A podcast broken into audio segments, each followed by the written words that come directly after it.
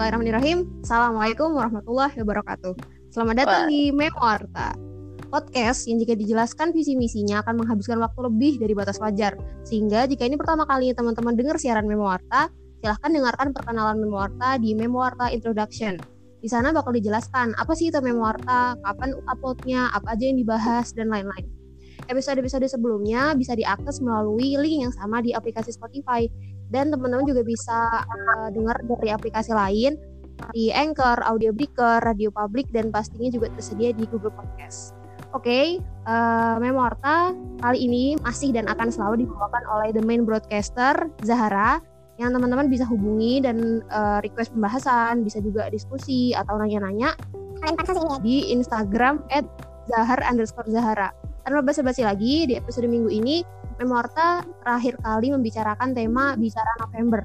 Masih akan membuat bahasan seputar berbicara, ngomong, speaking, takalamu ya takalamu, malah lagi. Uh, tapi kali ini uh, aku nggak sendirian karena Memorta episode kali ini kedatangan tamu istimewa. Itu ding ding ding ding ding ding. Assalamualaikum Ustazah. Waalaikumsalam. Apa sih Ustazah? oh, Oke, okay. uh, bisa dijelaskan dulu siapa ini, siapa Anda dan kenapa Anda di sini? Ya, alhamdulillah. Halo sobat Mewarta. Ini nama panggilannya apa ini? Nama panggilan uh, pendengar Anda. Aku belum bikin sih. Ada usulan nggak? aku belum bikin ya, jujur. Uh, halo sobat Mewarta. Uh, nama saya, nama saya ya. nama, nama gue, nama aku, serah kamu deh. ya, nama aku tuh Rifda, Rifda Arif Ibrahim. Ya, kenalin uh, aku temennya Zahara temen ya Zah? Iya kan? Iya iya kita bestie loh kita bestie. Oh iya. ya kenalin aku temannya Zara. Gitu. Dulu kita satu sekolah. Gitu. Hmm. Gitu. Lama kita temenan itu tujuh delapan tahun ya? Iya, se ya segitulah. Berlanjut. Sampai amin. Uh, kenali dong tempat tanggal lahir. Oh gitu misi eh perlu ya? Ya biar tahu siapa ini yang diajakin ngomong. Ah tempat tanggal lahir. Hmm, tempat tanggal uh, aku di Bekasi. Bekasi. Bekasi 10 April 2001 sama sama sama April sama Zahara juga. Iya tapi Zahara uh, dia anak Jaksel bukan ya? Bukan anak Jaksel ya? Bukan aku anak Bekasi ya. aku kan anak Madiun which is ya pakai which is literally berarti kamu bukan anak Jaksel. Uh, sorry. Dia aja malah nggak ngerti aku ngomong apa tadi. Apaan sih? Nah, sekarang gitu. sekarang uh, kesibukannya apa aja nih? Sibukan, sibukan yang ngurus ngurus pondok, kuliah, apalagi ya, kuliah, dakwah. Insya Allah. Berarti semuanya ini di jalan uh, visabilillah gitu ya. Amin. Insya Allah doakan ya. Uh. doakan. Uh, kan tadi lahirnya di Bekasi, terus sekarang domisili di mana nih? Menetapnya di mana? Hmm, domisili di Solo, masih menetap di Solo. Masih ya, setia. Dan sampai kapan ini kira-kira masih menetap di Solo? Uh, sampai kapan ya? sampai ketemu jodoh. Nah jodohnya di sini juga apa sih? Wah, parah, parah, parah, parah. Berarti ini berarti kesibukannya ditambahin nungguin jodoh gitu nggak? Oke. Okay. Di tengah-tengah kesibukan ini masih ini nggak masih sering kan kita kalau anak muda itu kan mesti kan punya hobi gitu kan punya kesenangan apa gitu buat refreshing buat buat ya buat buat buat lah buat kegiatan lah gitu hobi hobinya uh, ini panggilannya AB ya. Kenalin dia panggilannya AB oh iya uh, lupa di awal tadi. Panggilannya ya. AB Rifda namanya bagus Rifda Ibrahim dipanggilnya AB oh, ya, hobi, hmm. hobi dong hobinya hobinya apa? Kali kan hobi hobi apa ya? Hmm. Uh, sebenarnya hobi hobi gue bagian orang. Enggak enggak juga di di apa di CV-nya tulisannya membahagiakan manusia. Tapi enggak sih sebenarnya lebih ya uh, kalau dibilang baca buku gue sebenarnya suka-suka aja. Tapi gue lebih suka kayak nge-review buku gitu deh loh. Terus hmm. buku yang gue baca terus gue cari inti poinnya ntar gue tulis terus gue review gitu. Di resensi gitu bikin resensi buku gitu ya? iya sih uh. lumayan loh itu bisa menghasilkan cuan kalau kamu. Materialis lu. Loh iya ini dunia kapitalis kita harus harus iya iya sekarang kan tadi hobinya ini nge-review buku sama baca-baca buku resensi gitu ya. Sekarang yang lagi kamu baca apa nih? Sekarang itu um, mau mulai baca buku apa ya uh, falsafah hidupnya Buya Hamka. Lagi mau mulai. Bukan yang kamu udah selesai itu ya? Falsafah hidup? Belum. Oh belum. Itu yang udah selesai ayah. Ayah Buya Hamka udah selesai. Bukan deh kamu baca buku Buya Hamka banyak banget ya kayaknya ah enggak gue cuma punya ayah sama falsafah hidup doang. Oh iya tuh sama ada. Satu yang tentang sejarah. Ada. Tentang sejarah ada. Nah itu makanya kayaknya kayaknya tuh kamu bacaannya Buya Hamka terus. Karena gue suka sih. Suka sama tokohnya gitu. Iya sih. Walaupun dikatakan mungkin kalau sekarang beliau dikatakan radikal kali ya. Oh, banget.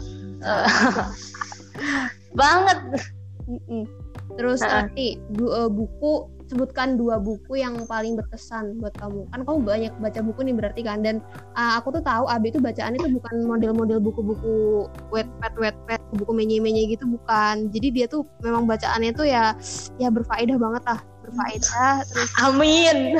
berkelas. Semoga hidup gue berfaedah. Amin. Dia tuh hidup gue semoga berfaedah ya Allah. memang bacaan bermanfaat bacaan ya bacaan orang-orang intelek gitu lah. Jadi sebutkan uh, dua buku yang menurut kamu paling berkesan baik dari uh, isinya maupun ketika kamu habis baca buku itu kamu dapat apa gitu. Paling berkesan ya? Yang paling berkesan banget itu itu tadi Buya Hamka yang ayah tapi. Yang ayah? Emang yang ayah. berkesannya kenapa memang? Ya itu gue dapet satu uh, kejadian ya waktu Buya Hamka di situ tuh waktu ditinggal sama istrinya. Hmm. ya kan? Istrinya wafat kan? Pasti ya sedih lah galau lah ya manusia rindu. Istrinya berapa sih Habis, satu. Tapi ketika uh, waktu udah meninggal istrinya nikah lagi sih oh. jadinya. Ya setidaknya yang istri pertama kan nggak tahu. Iya. Ya, jadi kayak ala Khadijah gitu. Mm -mm. terus? Nah terus uh, abis itu uh, beliau baca Quran, sholat. Enggak enggak, beliau baca Quran, habis itu beliau wudhu. Mm-hmm. Ya kan, pas wudhu, kalau misalnya masih rindu, kalau rindunya rindu banget gitu ya. Mm. Nanti tuh uh, beliau tuh sholat. Tapi sholatnya sholat apa? Sholat tobat. Sholat tobat. Gue juga bingung pertama, eh gila sama sholat tobat. Mm-hmm. Ternyata apa coba? Beliau tuh nggak mau kecintaannya beliau terhadap istrinya itu melebihi kecintaannya terhadap pencinta bumi. Masya Allah malah tobat di situ gue eh, nangis ya bacanya. Gile. Padahal istrinya coba. Iya iya iya. Oke berarti ke makhluk itu nggak boleh melebihi ke pencipta makhluk ya iya keren banget sih paling paling ber, paling berkesan itu. Terus lagi satu lagi dong. Satu lagi itu tentang oh ya ada buku yang tentang jejak khilafah di Nusantara. Oh itu ada bukunya tuh. toh?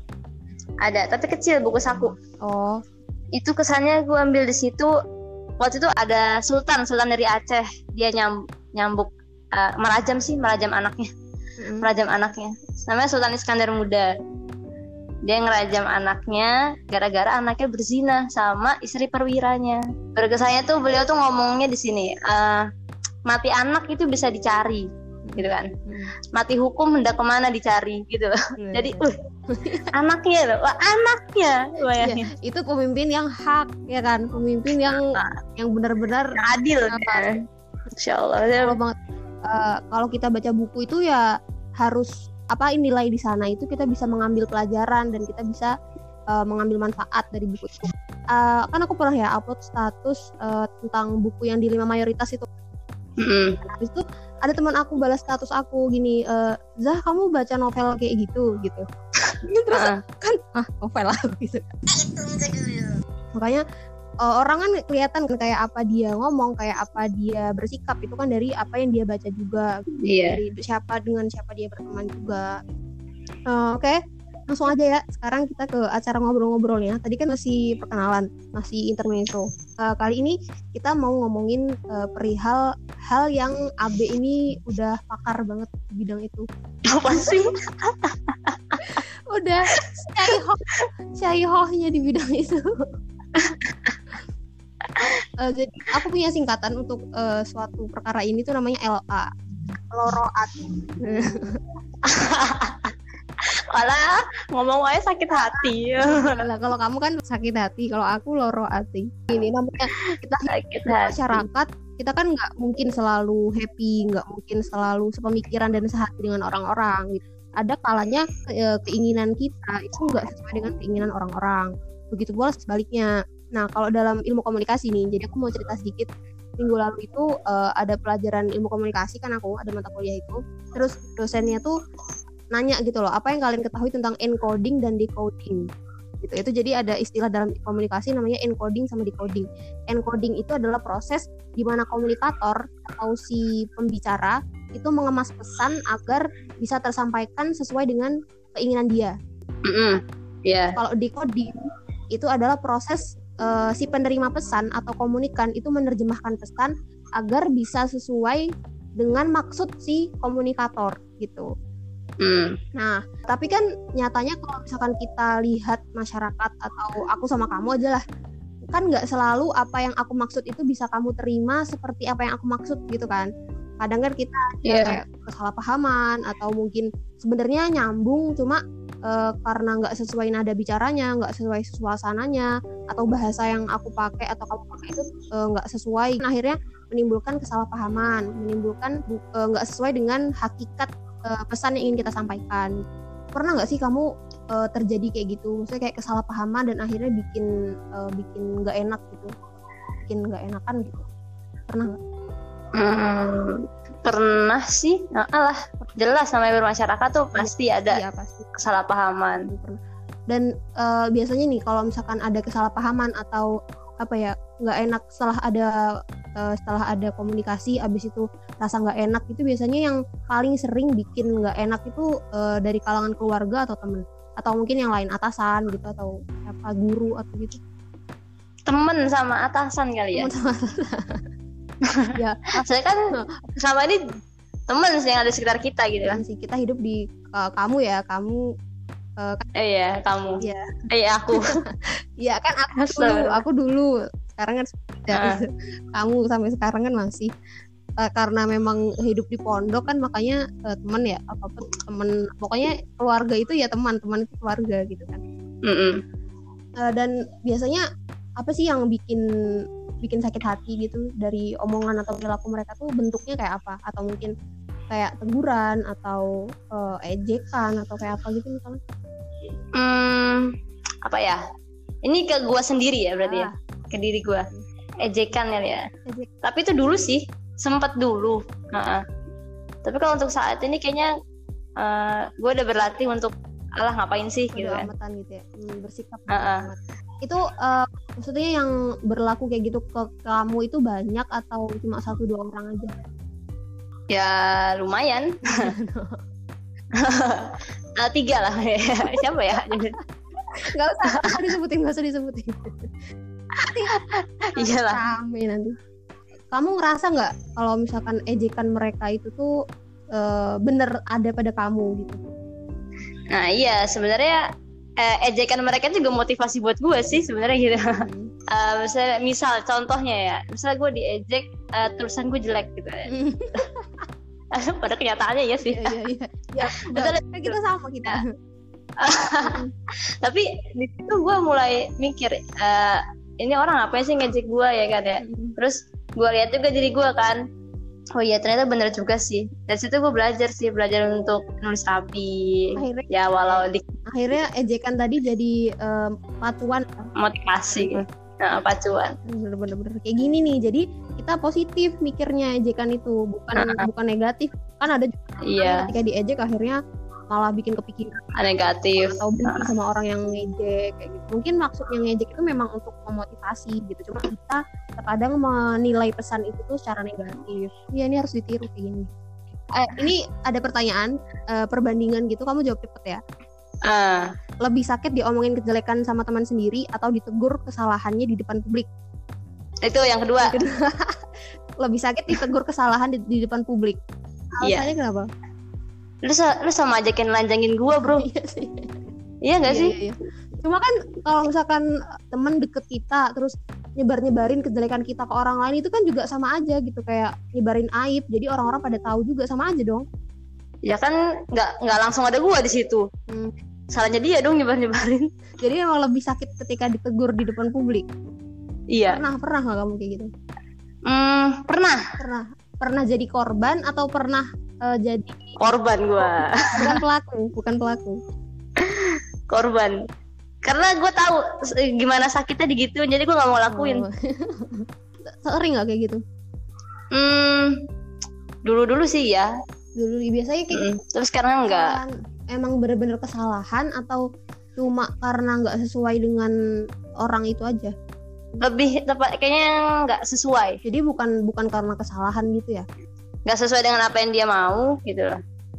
Terus dia Iya langsung sih soalnya jeder kayak gitu kan juga tergantung maksudnya eh, karakter orang juga gitu. Kalau kayak model aku nih kayaknya nih aku nih eh, model orang-orang yang suka negur di depan publik ya nggak sih oh lah begini nggak soalnya kan ada orang yang eh, asal jeplak aja kan di mana-mana dia asal jeplak aja gitu loh. Nggak nggak mikirin situasi nggak mikirin kondisi kayak gitu. Iya sih dia emang. asal pengen itu ngingetin cuma nggak ngeliatin sikonnya akhirnya ternyata nggak nggak enak gitu didengar atau dilihat eh, dirasain sama orang yang ditegur tadi.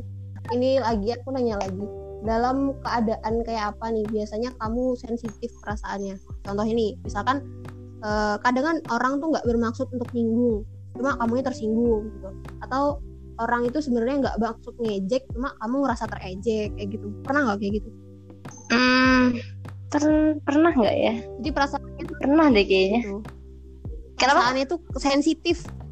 Oh iya pernah. Pernah lah kalau kamu kan baper Nah. oh dulu. Aduh malah buka aib oh dulu.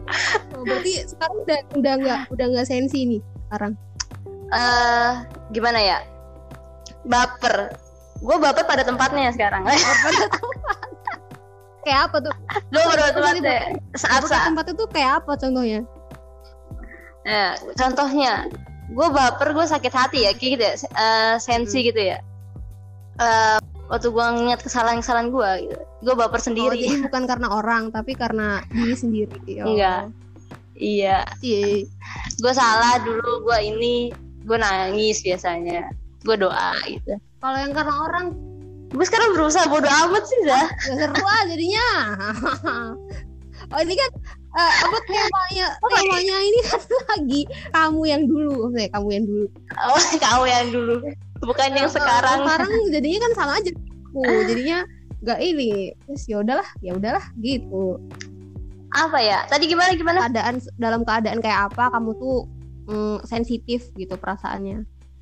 Keadaan ya waktu itu, waktu gue di diejek itu. diejek tapi kan bisa Uh-uh. jadi orang itu sebenarnya nggak maksud ngejek kamu gitu berarti kan kayak gitu kamunya dong yang ngerasa keejek Iya, iya sih. kan Heeh. misalkan aku bilang ibe kotor banget sih kerudungnya aku kan bilang fakta nah Iya, fakta. mungkin kamu ih apaan sih gitu kan kamu ngerasa keejek dong kalau kayak gitu berarti kan sebenarnya bukan salah orang yang ngomong iya gak sih Iya, emang karena faktanya sih Hmm, sebenarnya. faktanya kan mungkin cuma karena Heeh. cara penyampaiannya kali Iya. terlalu kasar atau keras suaranya atau gimana Oh, kan beda kalau yang Iya. "Ibe, ini kayaknya ini deh ada kotoran sama ibu kotor banget sih kerudungmu gitu kan beda kan hasil ya, Iya, itu hasil, beda.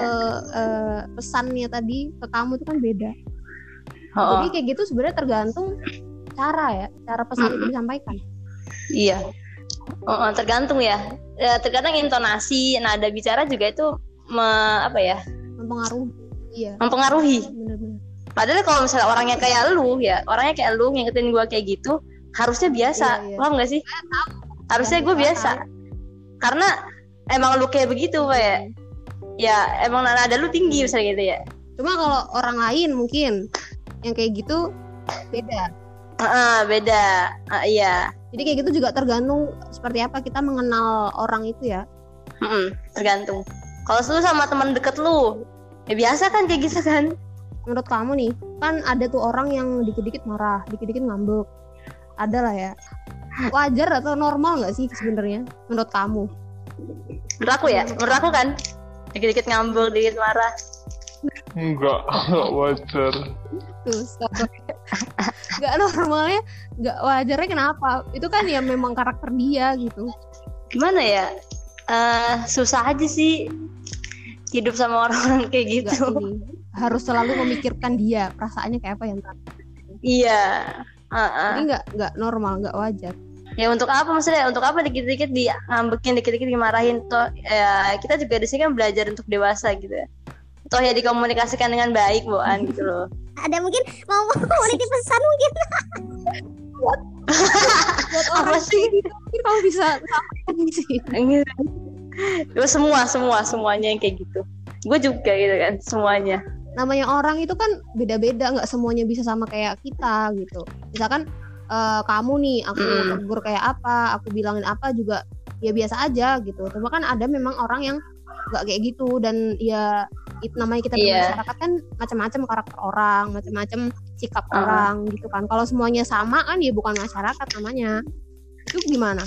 Tadi gimana gimana? Ulangi perbedaan karakter di masyarakat itu kan Ah. satu hal yang wajar kan normal gitu iya sih Nah kalau misalkan Heeh. kita mau nyalahin dia seseorang itu karena mungkin dia suka ngambek atau baperan gitu kan ya sebenarnya bukan kesalahan juga gitu loh. Bukan kesalahan Mm-mm. dianya ya emang udah kayak gitu Iya. berarti ya Menurut kamu gimana? Kalau Menurut aku aku. sih gitu. Cuma Hmm. kalau menurut aku kayak gitu ya. Cuma tergantung bagaimana orang-orang di sekitarnya itu memberikan eh, vibe memberikan apa uh, Iya. komunikasi eh, eh, Dengan dia bagaimana gitu ya? Di sekitar itu mm, apa ya? Iya. me- menghadapi dia dan juga membawa pengaruh positif ke dia gitu. Iya. Kalau ngomong sama dia berarti harus kayak gini bentukannya. Kalau ngomong sama dia harus kayak gini bentukannya. Sama yang itu kayak Iya, gini bentukannya. gitu. Cuma memang uh, menurut aku ya harus ada apa ya kesadaran dari orang yang kayak gitu. Soalnya kan dia harusnya tahu diri dong kalau uh, sikap kayak gitu tuh nggak baik gitu loh. Iya. Ya nggak apa Betul ya. sih ya. ber- untuk bermasyarakat itu nggak nggak menguntungkan, bukan nggak menguntungkan apa ya? Ya nggak enak aja gitu lah masa iya sih dikit-dikit marah gitu. Dikit ngambek, dikit Mutungan mutung. ya, mutungan. Berarti ya kayak gitu Berarti pinter-pinter kita bersikap sama Iya, itu dia. bagi orang di sekitarnya. Cuma kalau dalam misalkan aku Mm-mm. nih, aku yang baper, aku yang mutungan, itu ya harusnya aku juga tahu diri sih. Iya, harusnya. Kamu, kamu tahu itu kasih tahu dong ke orangnya biar dia tahu diri menurut kamu nih penyebab eh, orang sakit hati itu lebih ke faktor internal atau eksternal? Internal tuh kayaknya suasana hati, eh, terus Mm-mm. Kayaknya atau eksternal itu kayak misalkan eh, apa ya sikap sikap orang yang kita ajak ngomong gitu. Lebih yang mana? Gimana ya? Lebih ke internal sih kayaknya. Heeh, suasana em, penyebab dia baper ya gitu kan ya. Lebih ke diri kita sendiri sebenarnya baliknya. Eh, kita mau berpikir positif apa enggak gitu loh. Masa kita menanggap apa ya? Menanggapi suatu pembicaraan misalnya ya. Eh, masa gitu aja kita baper sih ya kan? Cuma kan ada ada saat memang ini sebenarnya kita Jadi- eh, suasananya biasa-biasa aja nih. Maksudnya ya lagi baik-baik aja gitu. Cuma gara-gara Biasa. Setiap orang yang ngomong ke kita tuh tiba-tiba itu nggak enak. Itu kan akhirnya kita juga loh lo ngapain? Kayak gitu kan. Kaget juga gitu loh. Mm-mm. kayak gitu kan bisa jadi memicu memicu Memicu kebaperan. emosi gitu so emosi masih kebaperan. Ya itu kan dari kita sebenarnya gini sih penye- eh, mengatasi penyebab baper itu sebenarnya dari kita sendiri juga sih Zah. dari diri kita sendiri. Maksudnya kayak apa tuh? Kalau gua baca apa ya gua baca apa gua nonton ya gua lupa kita harus selalu berpikir positif. Mm-mm. ya kan? Terus kita harus selalu mengedepankan pra- prasangka yang baik gitu. Loh Uh, Walau- husnudon. walaupun kan eh, sikap orang kita itu udah jelas-jelas buruk gitu. Sikap- iya. Sih. Tapi kalau gue sekarang kalau gue sekarang gini sih terserah sih orang mau bersikap kayak gimana gitu loh. Toh itu hak mereka. Ya hak mereka mau sikap kayak gimana ke gue dia mau ngejek-ngejek gue apa mau dia apa mau dia yang ngehina gue apa gimana. Yang penting ya udahlah gini loh. Eh, toh nanti yang menanggung semua Hmm. dosanya ya, ya itu kan dia gitu kan ya karena ngejek gue ini gue sekarang gue ya udah kalau misalnya emang yang dari mulut dia itu benar ya udah gue Iya, iya. perbaiki gitu loh ya kan. Kalau misalnya emang ada salahnya ya udah gue komunikasikan sama dia gitu kan gue tabayunin sama dia.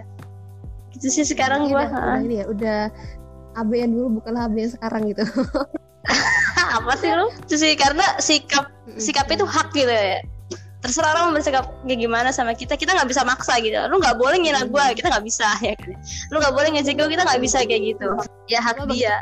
Kita aja menanggapinya. Kita positif nggak nanggapin dia apa negatif? Setiap siaran aku tuh selalu aku ingetin teman-teman semua buat selalu berpikiran positif. Karena kepribadian kita, sikap kita sehari-hari itu ya terwujud dari pikiran kan. Kalau kita berpikiran positif, maka kita akan menghasilkan tindakan-tindakan yang positif juga. Kita akan punya kehidupan yang positif dan juga tenang gitu. Cuma kalau kita berpikiran yang negatif, maka kita akan gerusa-gerusu, akan banyak hal-hal yang sebenarnya nggak kita inginkan tapi terjadi karena kita udah pikiran negatif duluan. Hmm. Negatif duluan. Ini udah udah hampir akhir acara. Berarti kan kamu sudah berhasil melewati masa-masa eh, baper kan ya. Sekarang udah enggak udah udah nggak seemosional dulu lah gitu. Dulu tuh kayak apa ya? Kanak-kanakan banget gitu, kalau kalian tahu itu. terus terus terus. Iya, Lanjut jadi lagi bukan kartu yang mana? ya? Manja gitu. Cuma ya itu dia. Ah, tuh. Ah, udah Dia udah udah udah. gitu. Dan eh, kalau aku pribadi ya ya memang dia kayak gitu gitu dan itulah eh, khasnya dia tuh di situ. Kalau misalkan AB mau disuruh bodo amatan gitu. Itu bukan AB jadi Gue kan pedulian gitu. Nah, dia tuh rasa peduli, rasa apa ya? Kalau aku bilang tuh kamu tuh altruis. Solidaritas. Tahu nggak altruis? Nggak tahu kan? Apaan? Kayak Gue taunya rasa solidaritas. ada. jadi altruisme itu sifat lebih mementingkan orang lain daripada diri sendiri. Itu lawannya egois. Iya sih, ah, lebih ke gitu. Sampai gue nggak, Hmm, ya gue kan? nggak bisa egois sama diri gue sendiri. lihat kata itu, aku baca eh, definisinya satu kata itu, tuh aku langsung pikiran kamu tau. Jadi ini AB banget ini nih, bener. Sampai eh, gimana orang lain, gimana orang lain gitu. Intinya dia rasa peduli itu tinggi banget, jadi sampai bahkan kadang mengorbankan perasaannya sendiri. Dan aku sakit gak apa-apa, aku langsung gak apa-apa, Iya. yang penting eh, orang juga. Tapi doain gue lagi pengen uh, egois dikit Ntar- gitu kayak. Capek juga bro. Juga ini perlu orang eh jangan ada ya dikit lagi. Ya Allah kasihan tau. Nanti berat juga di pada tempatnya lah, pada tempatnya lah. Nah, makanya pada pada- ada saatnya gue emang egois sama diri gue sendiri, ada saatnya gue emang peduli gitu. loh. Jadi Mm-mm, ya seimbang. gitu. mungkin kalau lu lihat dulu gue emang kayak gitu banget gitu. Sampai Iya, gue iya. nggak nggak tahu diri gue sebenarnya butuh apa gitu. Tapi sekarang udah ini ya, udah berarti sudah memupuk rasa egois. Itu yang dikit ya lumayan lah. perlu banget kan buat ya buat mengembangkan Iya, diri kita perlu. juga, buat tahu apa yang kita inginkan dan kalau kita nggak egois kan kita nggak bakal dapet keinginan kita gitu kan karena selalu memikirkan gimana orang lain, gimana Iya. keadaan sekitar gitu tanpa kita terkadang tuh bahkan apa ya kayak menelantarkan kebutuhan kita sendiri gitu. Nah, makanya perlu juga egois. Cuma kalau banyak-banyak ya Mm-mm. jelek juga. Makanya seimbang aja gitu. Seimbang. Pada tempatnya dan seimbang aku iya. nih lagi apa lagi berusaha me, apa ya mengurangi keegoisan gitu keegoisan. Oh ya, lu kebanyakan kapasitas egois. iya tuh Ya, ya itu sekarang atau dulu dulu iya. Dulu kan gue nggak tahu lu sekarang gimana. tambah sekarang lu alhamdulillah udah berubah total dari semenjak masuk kuliah. lima menurut Eh, kita jauh sih, jadi nggak tahu. lebih, lebih lagi tahu Masa sih? Eh tapi tapi lu tapi lu itu iya apa ya? Lu taruh pada Iya, tempatnya gitu loh. Iya, ya selama di rumah ini kan nggak terlalu banyak orang. Apalagi juga aku tuh bukan tipe orang yang suka keluar dan suka main-main. Bukan orang yang apa ya, ke sana ke sini gitu di rumah aja aku tuh memang. Ya udah aku cuma mikirin aku diri diri, diri sendiri aja gitu. Makanya aku Hmm. rasanya sih tambah-tambah sih. Itu Nah, masa lu nggak bantu Beban piring, nggak bantu masak, Ya, ya bantu ya formalitas, Bener-bener. iya sih, formality. Ini jahat. ya kan? Jahat banget itu. Istilahnya jahat. Iya sih. Kan kita, kita make ya kita ikut nyuci gitu. Iya, ya marah lu. Tambah. Berarti lu lagi mengurangi itu ya, mengurangi rasa egois memang gitu. aku juga nggak terlalu bersosialisasi sama orang makanya nggak tahu juga gitu orang-orang bahkan kalian aja kan kadang-kadang kalau misalkan video callan atau teleponan kita cuma pintas aja kan gitu jadi nggak nggak ngerti gitu temenku kayak apa Iya. apa gitu nggak ngerti kan ini menurut aku aku tuh nggak egois menurutku cuma mungkin menurut orang lain eh, egois banget kan kita nggak tahu juga Iya. terus ada ini nggak ada pesan nggak untuk Aduh. Memoarta Pesan untuk teman-teman Mama Marta. Apaan? Masa jangan baper pesannya. baper tuh perlu ya. Baper juga perlu ya kan. perlu tapi tempatnya. Tapi tadi pada tempatnya gitu. Oke, sip, sip. Nah, itu dia obrolan berfaedah banget kan sama salah satu bestie aku. Apa itu sebenarnya enak banget kalau diajakin ngobrol. Eh, apa ya? Dia selalu memberikan feedback gitu. Kalau kita ngomong, nggak mau nggak usah nge-play, nggak usah nge-play. Please. Enggak kok aku biasa wae. Eh itu fakta. Jadi aku nggak. Eh. Ya, dan aku hanya membicarakan fakta, oke. Eh, demikian. Sekian apa yang kita obrolin dari tadi ini semoga mendatangkan manfaat bagi teman-teman yang dengar semua bagi Abe juga semoga selalu berhasil dalam pencapaian uh, pemulihan ego egoismenya. Juga amin. Semoga Doakan. selalu positif apa pun yang terjadi apalagi di tengah pandemi kayak gini eh, kejadian yang menimpa kita itu semoga kita bisa mengambil sisi positifnya tetap dan sama Ya, amin. Yang maha kuasa. Oke sekian. Oh ya ini ada satu peribahasa. Yo, peribahasa Jawa janma tan kena ingina. Artinya manusia itu jangan dihina. Jadi peringatan Oh, yes. bahwa orang itu bisa aja beda antara isi dan kenampakannya kan? Karena mungkin kalau dilihat dari kenampakannya Mm-mm. dia kelihatan manis gitu. Cuma pas kita telusuri ternyata dia itu pahit. Dia menyimpan rasa sakit gitu. kita nggak ada yang tahu gitu makanya janma tan kena ingina manusia itu jangan dihina soalnya kita nggak tahu kayak perjuangan dia kayak apa isinya dia Iya. Oke, sekian eh, podcast kita di episode Bicara November episode 4 kali ini. Aku Zahara dan Saya Rifda Ya, Arif Ibrahim. wassalamualaikum warahmatullahi wabarakatuh. Salam Memoarta.